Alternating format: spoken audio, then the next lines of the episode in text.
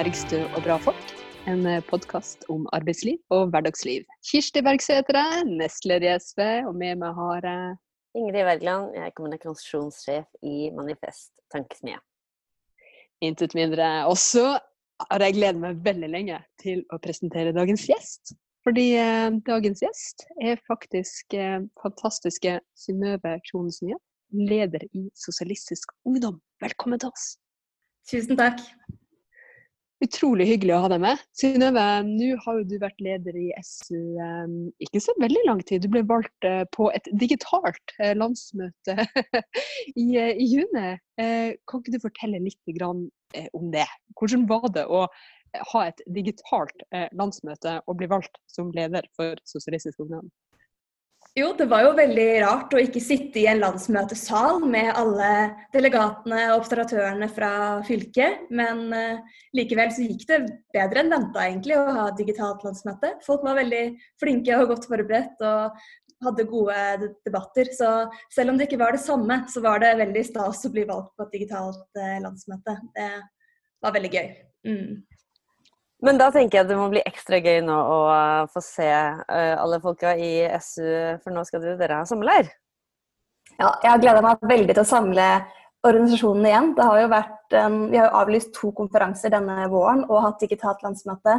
Så det å se SU-ere fra hele landet igjen, det gleder jeg meg helt utrolig mye til. Det har vært uh, rart å gå så lenge uten å se medlemmene i SU. Det har vært veldig trist, så nå gleder jeg meg veldig til å se alle igjen. Men får mm. dere lov til å ha en, et, eh, en helt vanlig ekte sommerleir?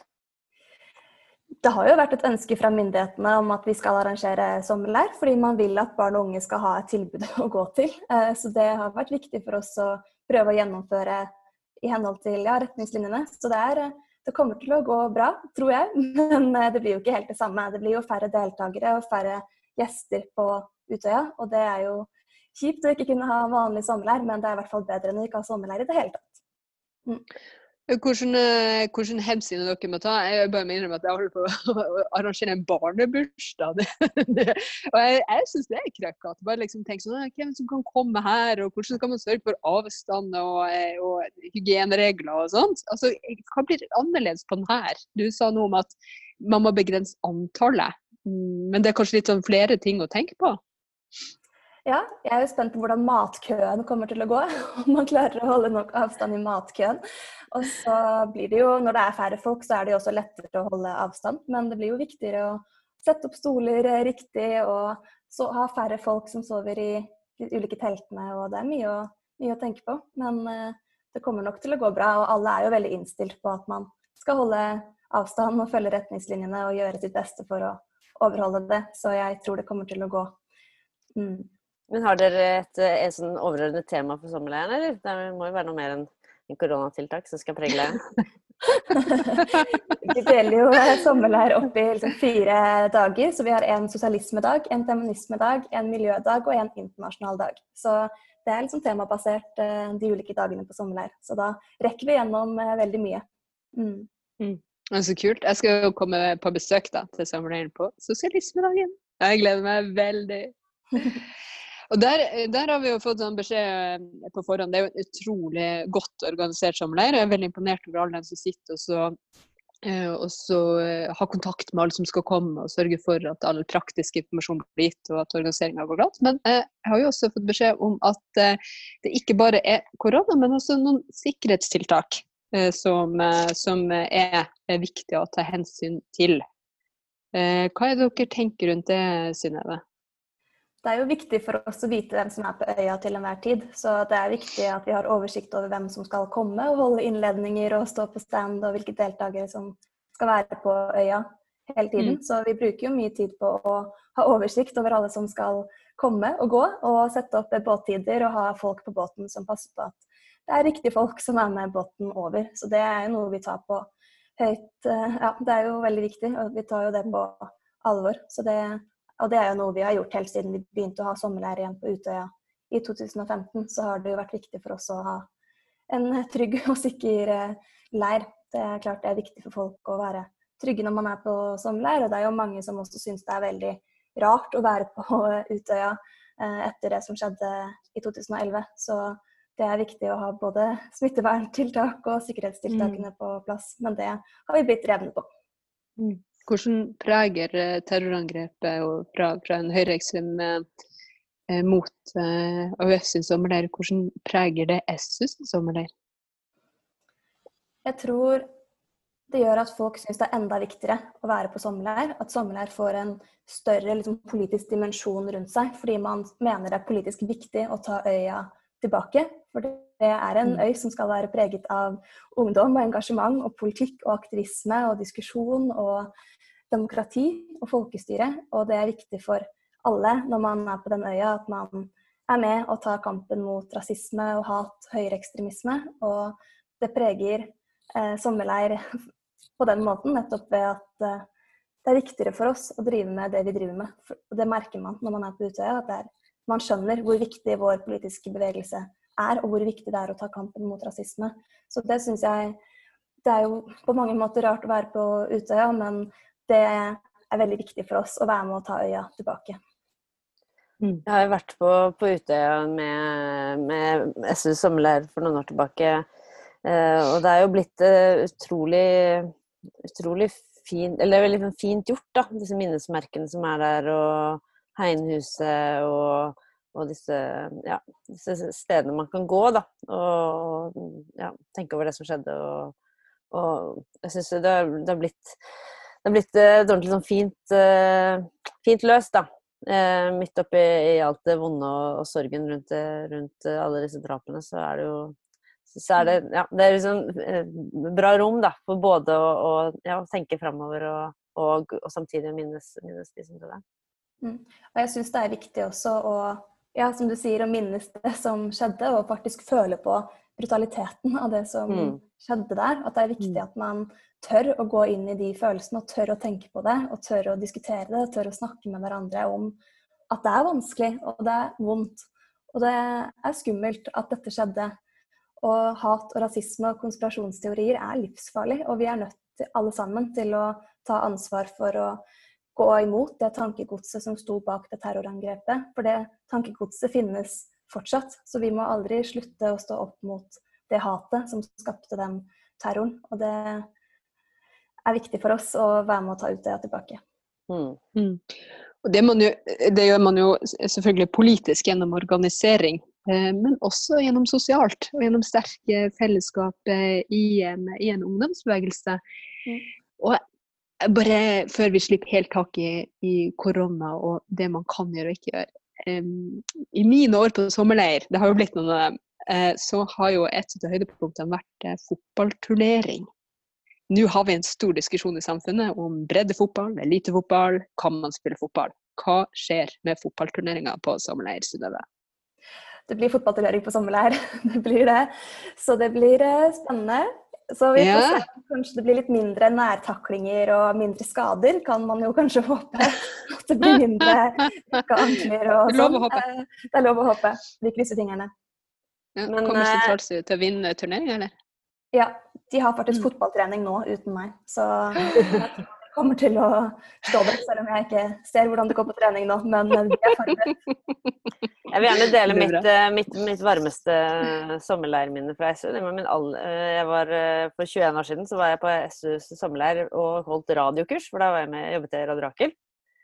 Og det var mitt første møte med SU og ja, senere SV, da. Så det er jo en veldig viktig, viktig arena for å dra, dra inn folk som som av, av livets tilfeldigheter ikke har havnet i SU på riktig tidspunkt, så kan man dras inn i partiet gjennom de utrolig fine møtene man får. Eh, en sånn idyll da, som mm. oppstår i det, i det politiske møtet blant unge folk. Så takk for det. Takker deg som institusjon nå, Synnøve.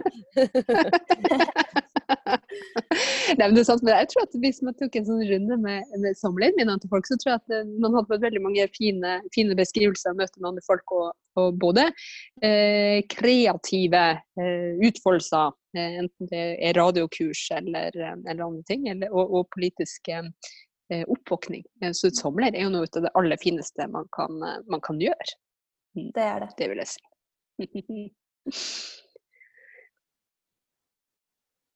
Men Synnøve, dere gjør jo flere ting enn å arrangere sommerleir eh, i Sosialistisk Ungdom. Hva er det, Nå har dere jo nylig hatt landsmøte og liksom lagt kursen for, for, de kommende årene. Hva er det som er eh, viktigst for Sosialistisk Ungdom nå, og hva er det dere kommer til å jobbe spesielt mye med i, i tida som kommer?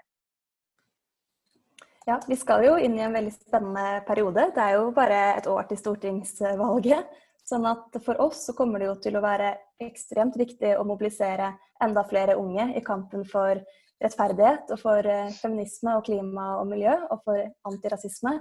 Sånn at vi kommer til å bruke det neste året på å prate med ungdom og reise rundt og drive med aktivisme og diskutere politikk og mobilisere enda flere ungdom til kampen for en rettferdig verden. Så mm. for oss blir jo kanskje klima den aller, aller viktigste saken fram mot eh, stortingsvalget. For eh, vi er nødt til å stoppe de farlige klimaendringene, og vi er nødt til å handle nå. Og det haster utrolig mye. Sånn at det kommer til å være kanskje den viktigste saken for oss fram mot stortingsvalget og det neste året. Men da kan det hende, når dere reiser rundt på skoler, arbeidsplasser og sånt, og diskuterer med, ungdommer, prøver å rekruttere flere inn, inn, i organisasjonen, så er det jo kanskje mange som har hørt om andre ungdomsorganisasjoner og partier også, som snakker om klima. Eh, og andre ting som er, som er, viktige. Hvorfor tenker du at, eh, at eh, hva, er, hva, er, det du sier for å overbevise eh, unge folk om at de skal velge SU fremfor andre ungdomsorganisasjoner og partier? Det handler jo om at det røde og det grønne henger sammen. Og at det er 100 selskaper som står for 71% av verdens klimagassutslipp. Og at vi har et økonomisk system i verden som er basert på at man skal tjene enda mer og enda mer og enda mer penger. Og det systemet fører til at eh, ja, selskaper setter profitt over hensynet til eh, miljøet.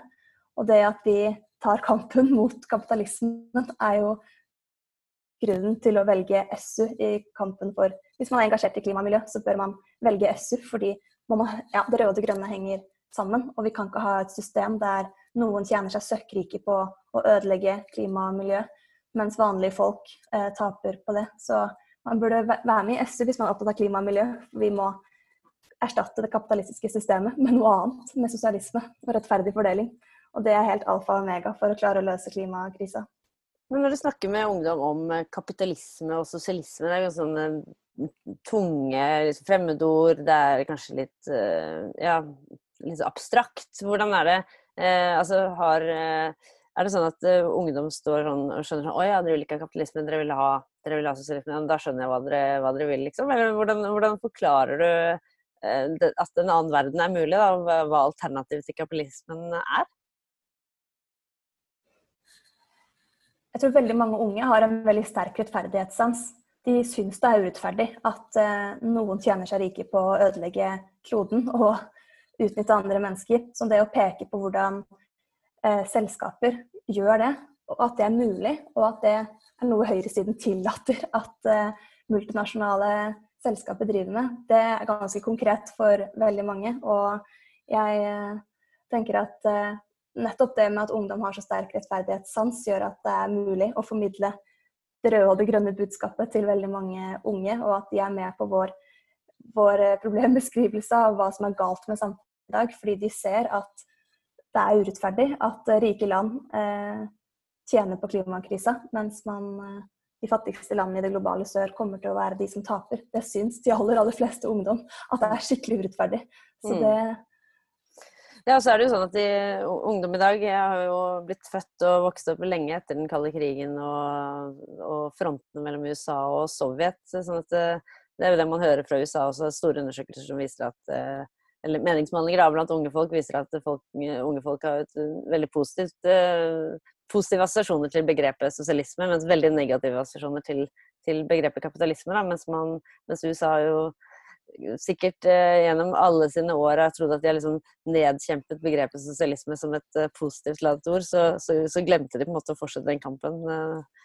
nå, og nå er det, nå er det mer, mer motivasjon, motivasjon for, for, å forandre et system som ja, som helt i sin, liksom, sin, grunn er med på å skape noen veldig få rike og eh, enormt mange eh, fattige. Da. Og eh, ikke minst ødelegge fullstendig for kloden vår.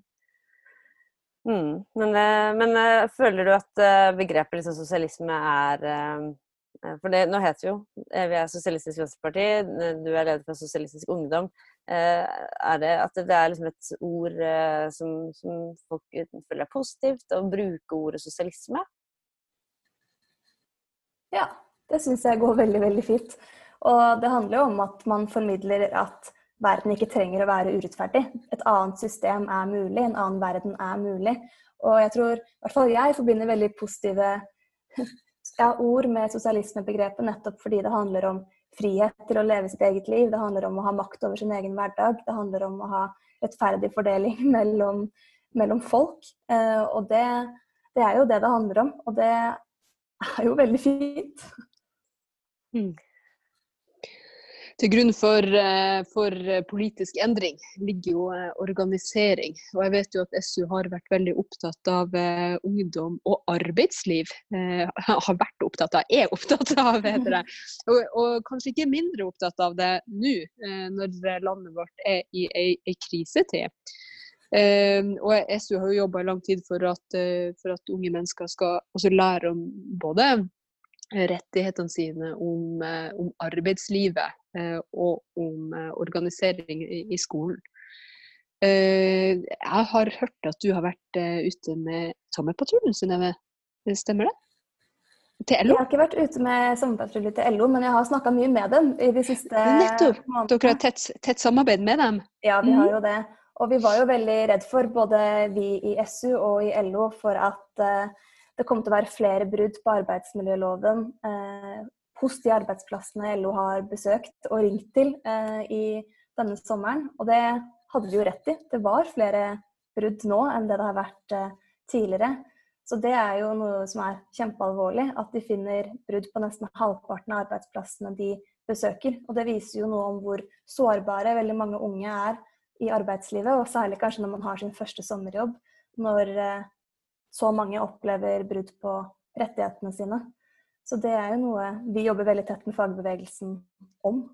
Mm. Er det noen bransjer som er mer, eh, har, blitt, eh, har flere brudd enn andre, eller? Serveringsbransjen er jo gjerne de som har mm. flest brudd. De som jobber i restaurant, på kafé og ja, i det hele tatt. Der er det uten tvil mest brudd. Mm. Men hva hører du fra, fra, unge du kjenner og i SU og sånn, om, om, hvordan krisa har eh, rammet Nå har det vært, selvfølgelig vært mye med skole og at eksamen og sånn har blitt annerledes og, og sånn, men, men uh, nå er det jo et uh, skoleår eller et utdanningsår over, og folk skal inn kanskje flytte, få seg nye steder å bo. hva hører du om det? Nei, Mange unge har det ganske vanskelig nå. Det har vært en halvering i antall sommerjobber denne sommeren. Så det sier jo ja, åpenbart så er det færre som har en jobb å gå til, færre som får lønn. Og det gjør det jo veldig vanskelig å kunne ja, spare penger til å kunne betale depositum til uh, husleie hvis man skal flytte hjemmefra for første gang og begynne å kanskje studere i en annen by. Så gjør det at man har mye mindre å rutte med. Og det er ja, ungdom som egentlig er rammet, mest, ja, rammet hardest av koronakrisa. Det er de under 25 som har hatt en høyest nedgang i antall lønnsmottakere, hvis man ikke regner med de som har blitt pensjonister. Sånn at det er ungdom som har blitt ramma veldig, veldig hardt. Og man får rett og slett ikke jobb. Og man, kanskje man hadde en deltidsjobb som man ikke har lenger. Man er permittert. Og så er man kanskje student i tillegg, så man får ikke dagpenger at det er mange ungdom som sliter veldig økonomisk eh, nå. Og det har jo ikke regjeringen tatt inn over seg i det hele tatt. Og det syns jeg er utrolig provoserende at man ikke har oppretta flere studieplasser så flere kunne begynt å studere, f.eks. Det har jo vært rekordmange som ikke har fått tilbud om studieplass i år. Og det at man ikke engang kommer inn på et studie og ikke får jobb, og ja, det gjør jo hverdagen veldig, veldig vanskelig for veldig mange unge. Hva er det du tenker at det skiller unge fra arbeidslivet for til, til andre? Altså, man snakker jo ofte om at det, at det er utfordringer for en klasse eller for arbeidsfolk og sånt. Men hva er det som du tenker at, at det er viktig at har et særlig fokus når det gjelder, når det gjelder unge eh, arbeidsfolk?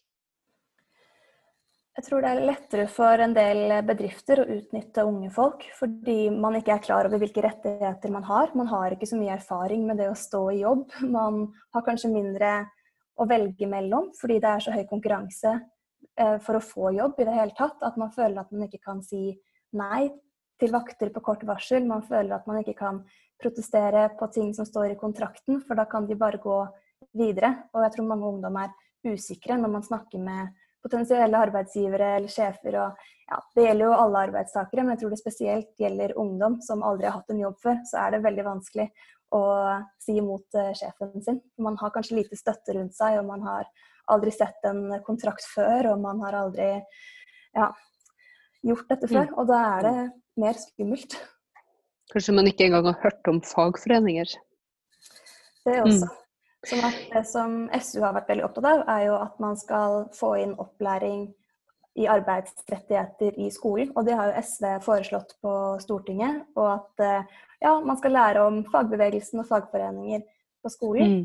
Eh, og det har jo regjeringen og Venstre og KrF og Frp stemt ned.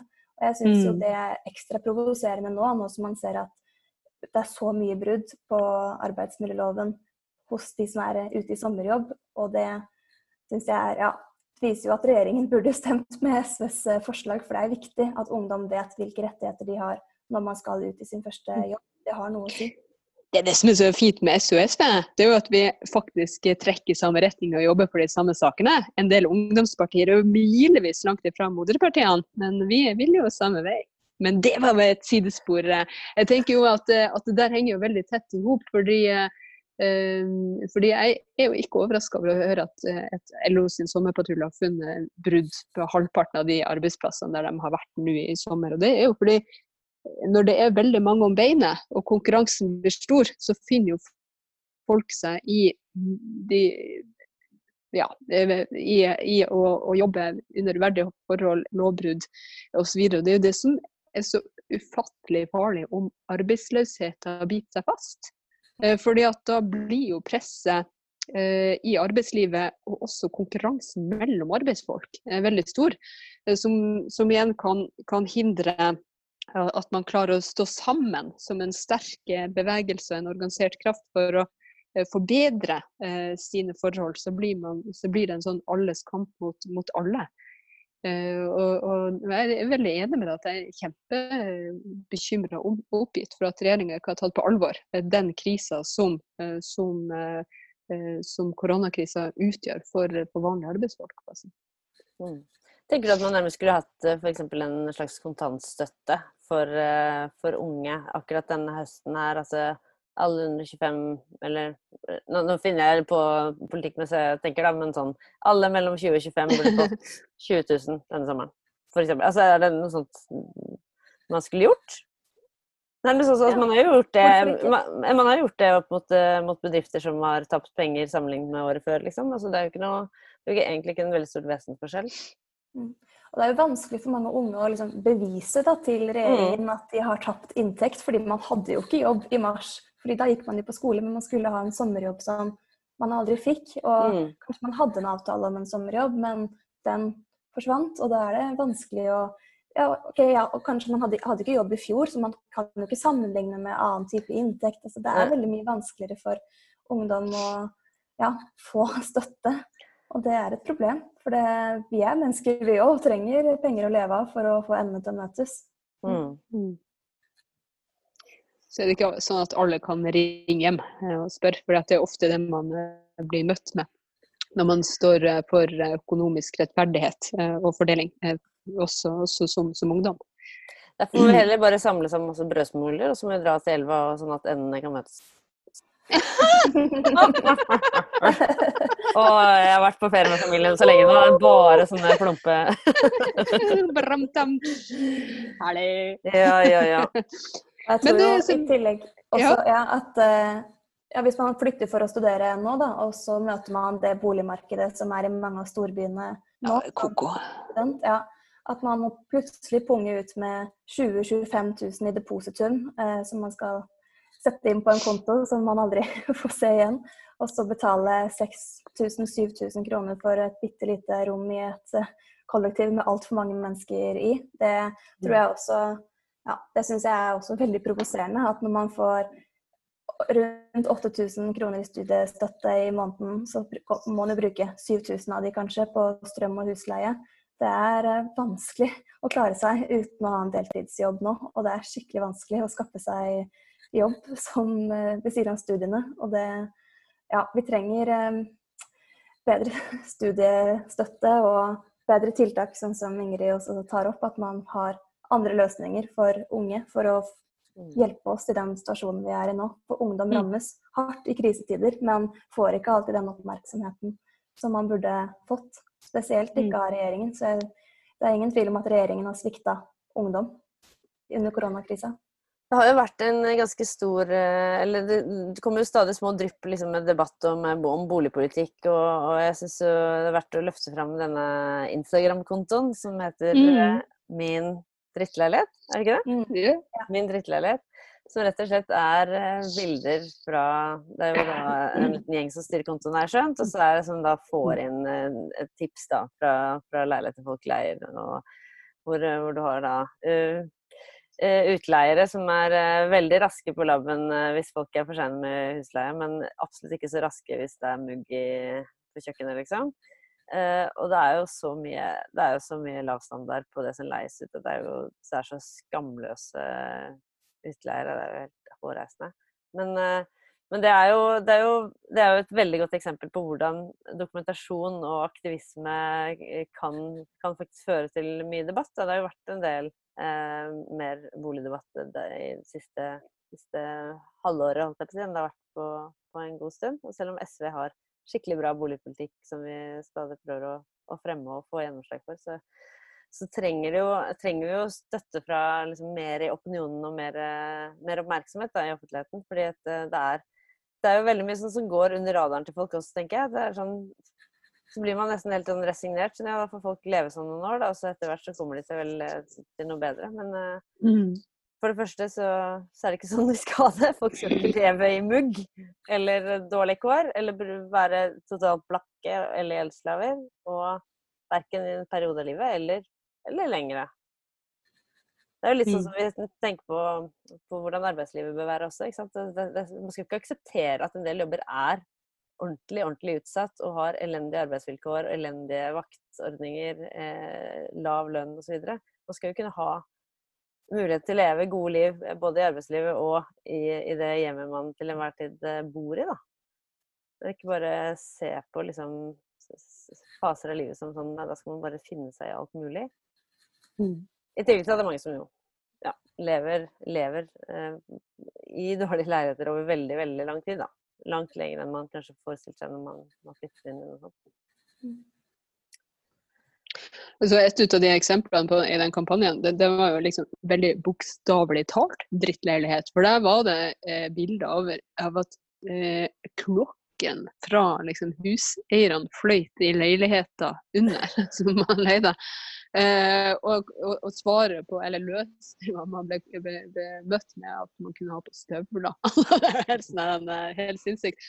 Så man trenger jo en boligpolitikk eh, som er laga for at folk skal ha et trygt sted å bo, enten du eier eller leier. Eh, og ikke for at spekulantene skal ha noe å berike seg med. Så man må jo få bort de kommersielle kreftene fra hele boligsektoren eh, og ta, eh, ta, det, ta det tilbake. Ja, jeg er helt enig. Det som har forandra seg nå, er jo at det er jo store selskaper som står for mm. de fleste utleieleilighetene i Oslo, hvor de har tusenvis av leiligheter som de leier ut. Og så skryter de jo veldig av at å, man har en sånn kundeservicetelefon så man kan få kontakt med dem hele tiden. Men man kan jo ikke det. Man får jo ikke svar fra de når man ringer inn eller sender e-post. Eller det er jo ikke noen vaktmestere som kommer, selv om man sier ifra. Sånn at det at eh, det er store selskaper som har begynt å drifte dette, syns jeg er veldig alvorlig, egentlig. Og det har man ikke sett tidlig nok. For det å ha selskaper som eier hele bygårder, og som splitter opp eh, leiligheter til å ha veldig mange bitte, bitte små rom, selv om det ikke egentlig er plass til så mange. At man stuer inn fryktelig mange unge folk inn på ett sted uten at man egentlig har noen fellesarealer eller eh, ja, i det hele tatt. At det har forandra ganske mye òg. For det, de er altså så kyniske og skal ha så mye penger for så lite. Eh, og de følger jo ikke opp det, ja, det de skal når det kommer til renhold og andre ting som huseierne har ansvar for. Og jeg tror det er det som provoserer veldig mange. At det både er ekstremt dyrt og ekstremt dårlig. Mm. Mens hvis det hadde vært bare én av delene, så kanskje man kunne akseptert det. Men eh, når man betaler 7000 eh, kroner og fortsatt har mugg på soverommet sitt, så er det vanskelig å akseptere. Og det burde virkelig ikke være sånn. Og det provoserer jo ja, meg og veldig mange andre ungdom at det hadde jo vært mye billigere å eie leiligheten selv enn å leie, leie den. Og da er det jo også provoserende at banken mener at man ikke har ja, mulighet til å betale det. For vi betaler jo det det koster, og mer enn det. Men til noen andre sin lomme, og som for alt vi vet forsvinner ut i skatteparadiser i andre enden. Nei, vi må ha kommunale eller statlige boligselskaper og, eller stiftelser, eh, kooperativer. Det, det, kommersielle boligmarkedet er helt eh, ja, det, skaper, det, er jo bare Det er jo kapitalisme på speed. ikke sant? Det blir jo bare Det er noen mm. veldig, veldig få som blir veldig rike på mange eh, andres eh, inntekt. Og Det er jo et demokratisk problem, for det eneste det funker for, er jo spekulantene. Det er jo dem som har de selskapene du snakker om, Synnøve. For alle andre så funker det jo ikke. Eh, og det er jo et, et, stort problem. At man har organisert en, en helt sånn livsnødvendighet på en måte som gjør at det store flertallet taper. Eh, men en bitte liten elite kan berike seg på, eh, på en helt sånn grunnleggende eh, behov. da. Men du, du snakker om at dere på Somler har liksom flere temabolker. og Vi har snakka litt om klima og miljø, og, og litt om, eh, om, arbeidsliv og organisering. Eh, og så vet jeg jo at det er spesielt noen områder innenfor den feministiske kampen som, som SV er spesielt opptatt av. Kan ikke du si litt om, om det? Ja, vi i SV er jo opptatt av veldig mange feministiske saker, men eh, akkurat nå er det veldig viktig for oss å gjøre noe med ja, hvordan eh, voldtekt er definert i straffeloven i dag. For nå er det jo sånn at eh, voldtekt er definert som at eh, det kun er hvis man skaffer seg en seksuell omgang gjennom vold eller truende atferd, eller hvis offeret er bevisstløs eller sover. Men man burde jo ha et lovverk som sa tydelig at alt At det er, det er kun samtykkende sex som er sex. Og vi har jo fått, Norge har jo fått masse refs av eh, FNs torturkomité og FNs kvinnekommisjon og veldig mange andre for å ikke ha en samtykkebasert eh, lovgivning på dette, hvor man definerer voldtekt som sex uten samtykke. Så det å gjøre noe med det er ekstremt viktig for oss, og det burde jo være ganske enkelt å gjøre noe med. Det er jo sånn loven er formulert i Sverige, har jeg skjønt? Mm, Sverige har det. Det er veldig mange andre land som også har det. Så her mm. ligger jo Norge langt bak eh, sammenligna med veldig mange andre land. Og det er jo den der, eh, Jeg har jo hørt den debatten rundt eh, dette forslaget i går før, og da kommer jo kommer, Jeg har hørt uh, sikkert noen fra Frp eller sånn Ja, så skal du ha en kontrakt, da? Skal du finne fram kontrakt akkurat når du sitter og fomler? Uh, ja, og det er vel ikke helt det dere mener. Hva, hva kunne du definere hva samtykke er, da? Ja, nei, man må jo si ja. Det er kun én ting som betyr ja, og det er ja. Og det burde jo være veldig enkelt og greit for folk. At man sier, sier man ja, og så sier man ja. Og det er sånn det burde være. Så jeg tenker at vi må ha en liksom kulturendring og snu om på hvordan man snakker om og forstår sex. Eh, og det at vi har en kultur for at man aktivt ja, ber om samtykke. Og at det er noe skolene og seksualitetsundervisningen må ta inn over seg. Og man må snakke om hva det betyr, og ja, hva er dine grenser, hva er mine grenser, hva har man lyst til? Eh, at det er noe man må kunne snakke om. Det må ikke være så flaut eller så tabu at man ikke tør å spørre om den andre personen har lyst. Det burde jo være det enkleste i hele verden. Det burde jo være veldig naturlige ting å gjøre. Men jeg tror mange er eh, redd for å trå feil, fordi man har jo aldri snakket om det før, eller man vet ikke helt hva man skal si, eller man er redd for å gjøre ting feil. sånn at det å få en skikkelig kulturendring på det, tror jeg er liksom alfa og omega. Og da burde man eh, starte med seksualitetsundervisningen i skolen, og man burde sørge for at lovverket er på plass. Det tror jeg hadde gjort en stor forandring. For det er jo sånn at én uh, av ti kvinner opplever voldtekt i løpet av livet, og halvparten av de før de har fylt 18 år. Så det er jo ekstremt høye tall som er kjempealvorlige. Og det er jo nesten ingen av de som ender i domfellelse. Og det er noe man må ta på stort alvor. At uh, man har en, et lovverk og et rettssystem som ikke klarer å beskytte de som blir utsatt for vold og overgrep og voldtekt. Og det burde man bare endre på. Mm. Så Derfor er det på høy tid å innføre en samtykkelov eh, i Norge. Så det håper jeg i hvert fall vi kan få gjort etter 2021. Eh, mm. Og Der ser det så en kampanje som heter Ja, ja betyr ja? Sanitetskvinnene har eh, lenge hatt en kampanje som heter at ja, kun ja betyr ja. Det er det Sanitetskvinnene som har mm. starta opp den i, i utgangspunktet? Og fått alle som er allierte i, i kampen med, med, på den? Mm, stemmer. Ja, det er bare innrømmer at jeg har aller eh, mest lagt merke til SU sine, sine kampanjer knytta til det. Da. Um, så der har dere gjort en veldig god jobb, eh, Synnøve. ja, jeg er enig i det. Der er vi veldig flinke. der også. Men du, eh, før vi kommer til um, rosin i pølsa, i den grad det høres forlokkende ut, så har jeg bare lyst til å høre litt mer om deg, Synnøve. Altså, rosin i pølsa er vårt faste spørsmål for dem som ikke skjønte det. Men kan ikke du fortelle litt grann, eh, om deg sjøl? Jeg vet at du kommer fra Oppegård. Ja? ja. Hva, hva, har du gjort liksom, før du ble SU-leder? Nei, jeg eh, har vært eh, lokallagsleder i Follo SU for lenge siden. Og så har jeg vært fylkesleder i Akershus SU. Og i 2015 så ble jeg valgt inn i kommunestyret i Oppegård kommune som eneste SV-representant i kommunestyret. Og da var jeg, du var helt alene? Jeg var helt alene, og jeg var akkurat ja. 19 år.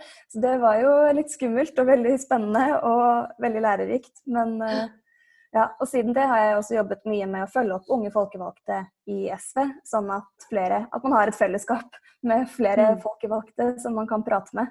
For det å sitte mm. alene i kommunestyret er eh, en litt ensom eh, jobb. Å sitte der på bakerste benk og stemme mot alle Høyre sine forslag.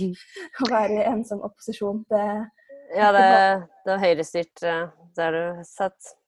Det var det. De, hadde, de feira til og med 50-årsjubileum som eh, Høyre-styrt kommune underveis i perioden. Så det har vært 50 år, 50 år med Høyre. Så de eh, var ikke villige til å høre på, på hva jeg hadde å si, for de visste jo utmerket godt hvordan denne kommunen. Så det var eh, ikke bare bare. Du, har du noen hersketeknikker du vil dele med oss, eller som du har blitt utsatt for? eller, som du, eller som du har, eller som du har brukt? Folk, jeg har brukt det, ja. Nei, har det egentlig samme effekt? når, når, den yngste i kommunestyret, som er kvinne, eh, og i opposisjon, bruker hersketeknikk på de andre, har de det? Nei. jeg tror ikke det har så veldig stor effekt, egentlig. Men eh, jeg tror når man er eh, ung og kvinne, så må man ha argumentene og faktaene på sin side. Så man må bruke mye tid på å være grundig og gjøre ordentlig research. Og ja, være tre ganger så god? Ja. ja, man må være tre ganger eh, så god. Og så må man eh, ikke ta det så hardt når man blir nedstemt eller ignorert eller ja, satt på plass av høyrefolk. Forsøkt satt på plass. Forsøkt satt Ingen kan sette deg på plass. Nei, vi kan ikke Nei. det. Så du har virkelig hatt uh, hele din politiske oppvåkning og oppvekst i opposisjon. Altså først uh, i kommunen, og så da nå som, som SV-leder med, med, da sikkert ganske sånn cocky unge høyre-folk som bare sånn tenker at posisjon, det har vi alltid vært i. Ja, jeg meldte meg jo inn i SV etter valgkampen i 2013, så det, jeg har jo aldri vært i posisjon eller vært med i partiet mens vi har vært eh, i posisjon. Så det blir spennende å se hva som skjer eh, etter valget.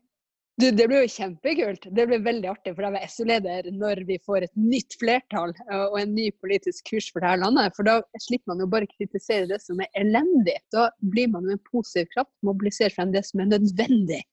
Og det er jo en, en glede.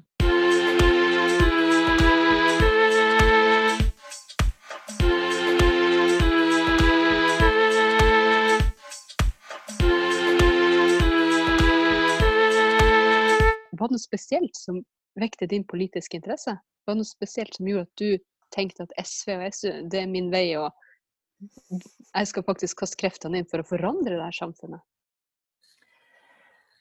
Ja, det var jo at man tapte valget og fikk eh, Frp inn i regjering, som eh, var liksom den mm. store saken for meg. Jeg syns det var helt sykt at et parti så langt til høyre gikk inn i regjering med liksom, ja, rasister og klimafornektere og det ene og det andre. Mm. Og det gjorde at jeg følte at nei, nå må jeg eh, inn og bidra. Nå må jeg gjøre mitt for å stå opp for klima og miljø og for rettferdig fordeling. og jeg mm. fulgte jo valgkampen veldig tett, og det var jo veldig tydelig for meg at det var jo bare ett parti som var opptatt av både rettferdig fordeling, klima og miljø, internasjonal solidaritet og feminisme, og det var jo selvfølgelig SV. Så det valget var eh, ganske enkelt. Men eh, det var Frp i regjering som gjorde at jeg meldte meg inn og ble aktiv. og det har jeg jo vært siden, så det var en mm. veldig god beslutning, tror jeg. Og jeg vet ikke hvordan livet mitt hadde sett ut hvis jeg ikke hadde meldt meg inn i SU i 2013. Så det er jeg veldig veldig glad for at jeg gjorde. Så det kan man jo kanskje takke Frp for, da. så fikk du jo rett da, når de ikke bare gikk inn i regjering, men til og med plasserte overgripere inn i den. Så eh, det var jo all grunn for å både uh, organisere sosialister og feminister for å endre fremtida. Mm. Da har vi kommet til dagens store spørsmål. Nemlig hva var din første jobb? Jeg har jobbet eh, tre eh, somre på Tusenfryd.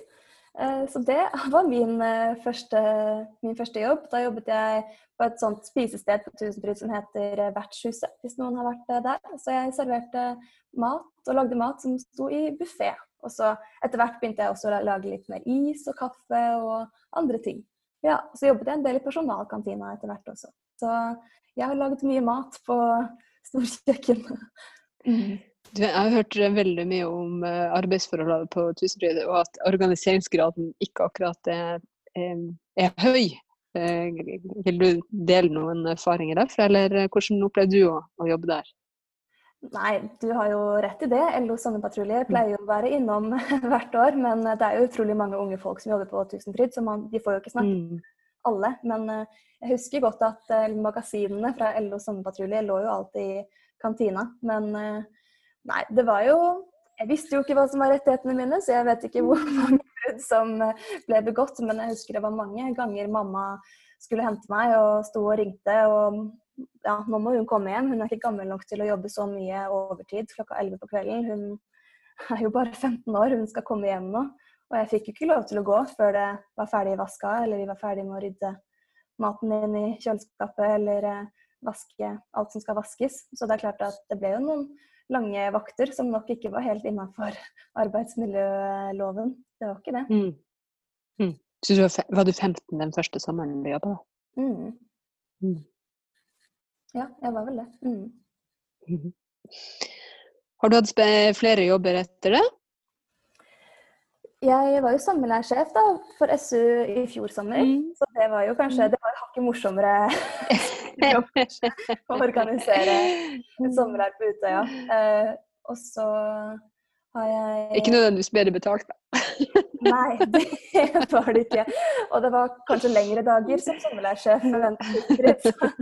Men da var du ikke 15, da? Da var jeg ikke 15, og jeg var jo faktisk unntatt arbeidsmiljølovens tidsbestemmelser, så jeg kunne jobbe sene kvelder på Utøya. Men eh, ja. Og så har jeg vært leder i ungdomsrådet i Oppegård kommune eh, for lenge, lenge siden. Det var jo også en, en jobb som jeg har gjort. Og det var jo kjempegøy å kunne snakke på vegne av all ungdom i kommunen og mm. være leder for et ungdomsråd som eh, kjempet for eh, skatepark og andre gøye ungdomssaker i kommunen. Det var også veldig, veldig gøy. Fikk dere skatepark, eller? Vi fikk skatepark. Skater du? Var... Nei, jeg kan ikke skate, men uh, det... Men du fiksa parken? Vi fiksa parken, det ja, gjorde vi. Og den uh, er en suksess den dag i dag. Mm. Så klart, du har jo laga den. Fantastisk, Synnøve. Det var utrolig hyggelig å, eh, å, å prate, prate, med deg. Tusen takk for at du du ble med, med oss eh, i dag.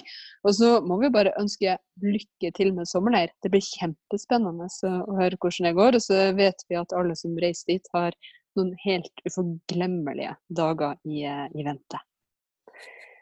Så masse lykke til. Takk. Takk til deg som hørte på. Vi håper du fortsetter med det. Ha en riktig god sommer videre.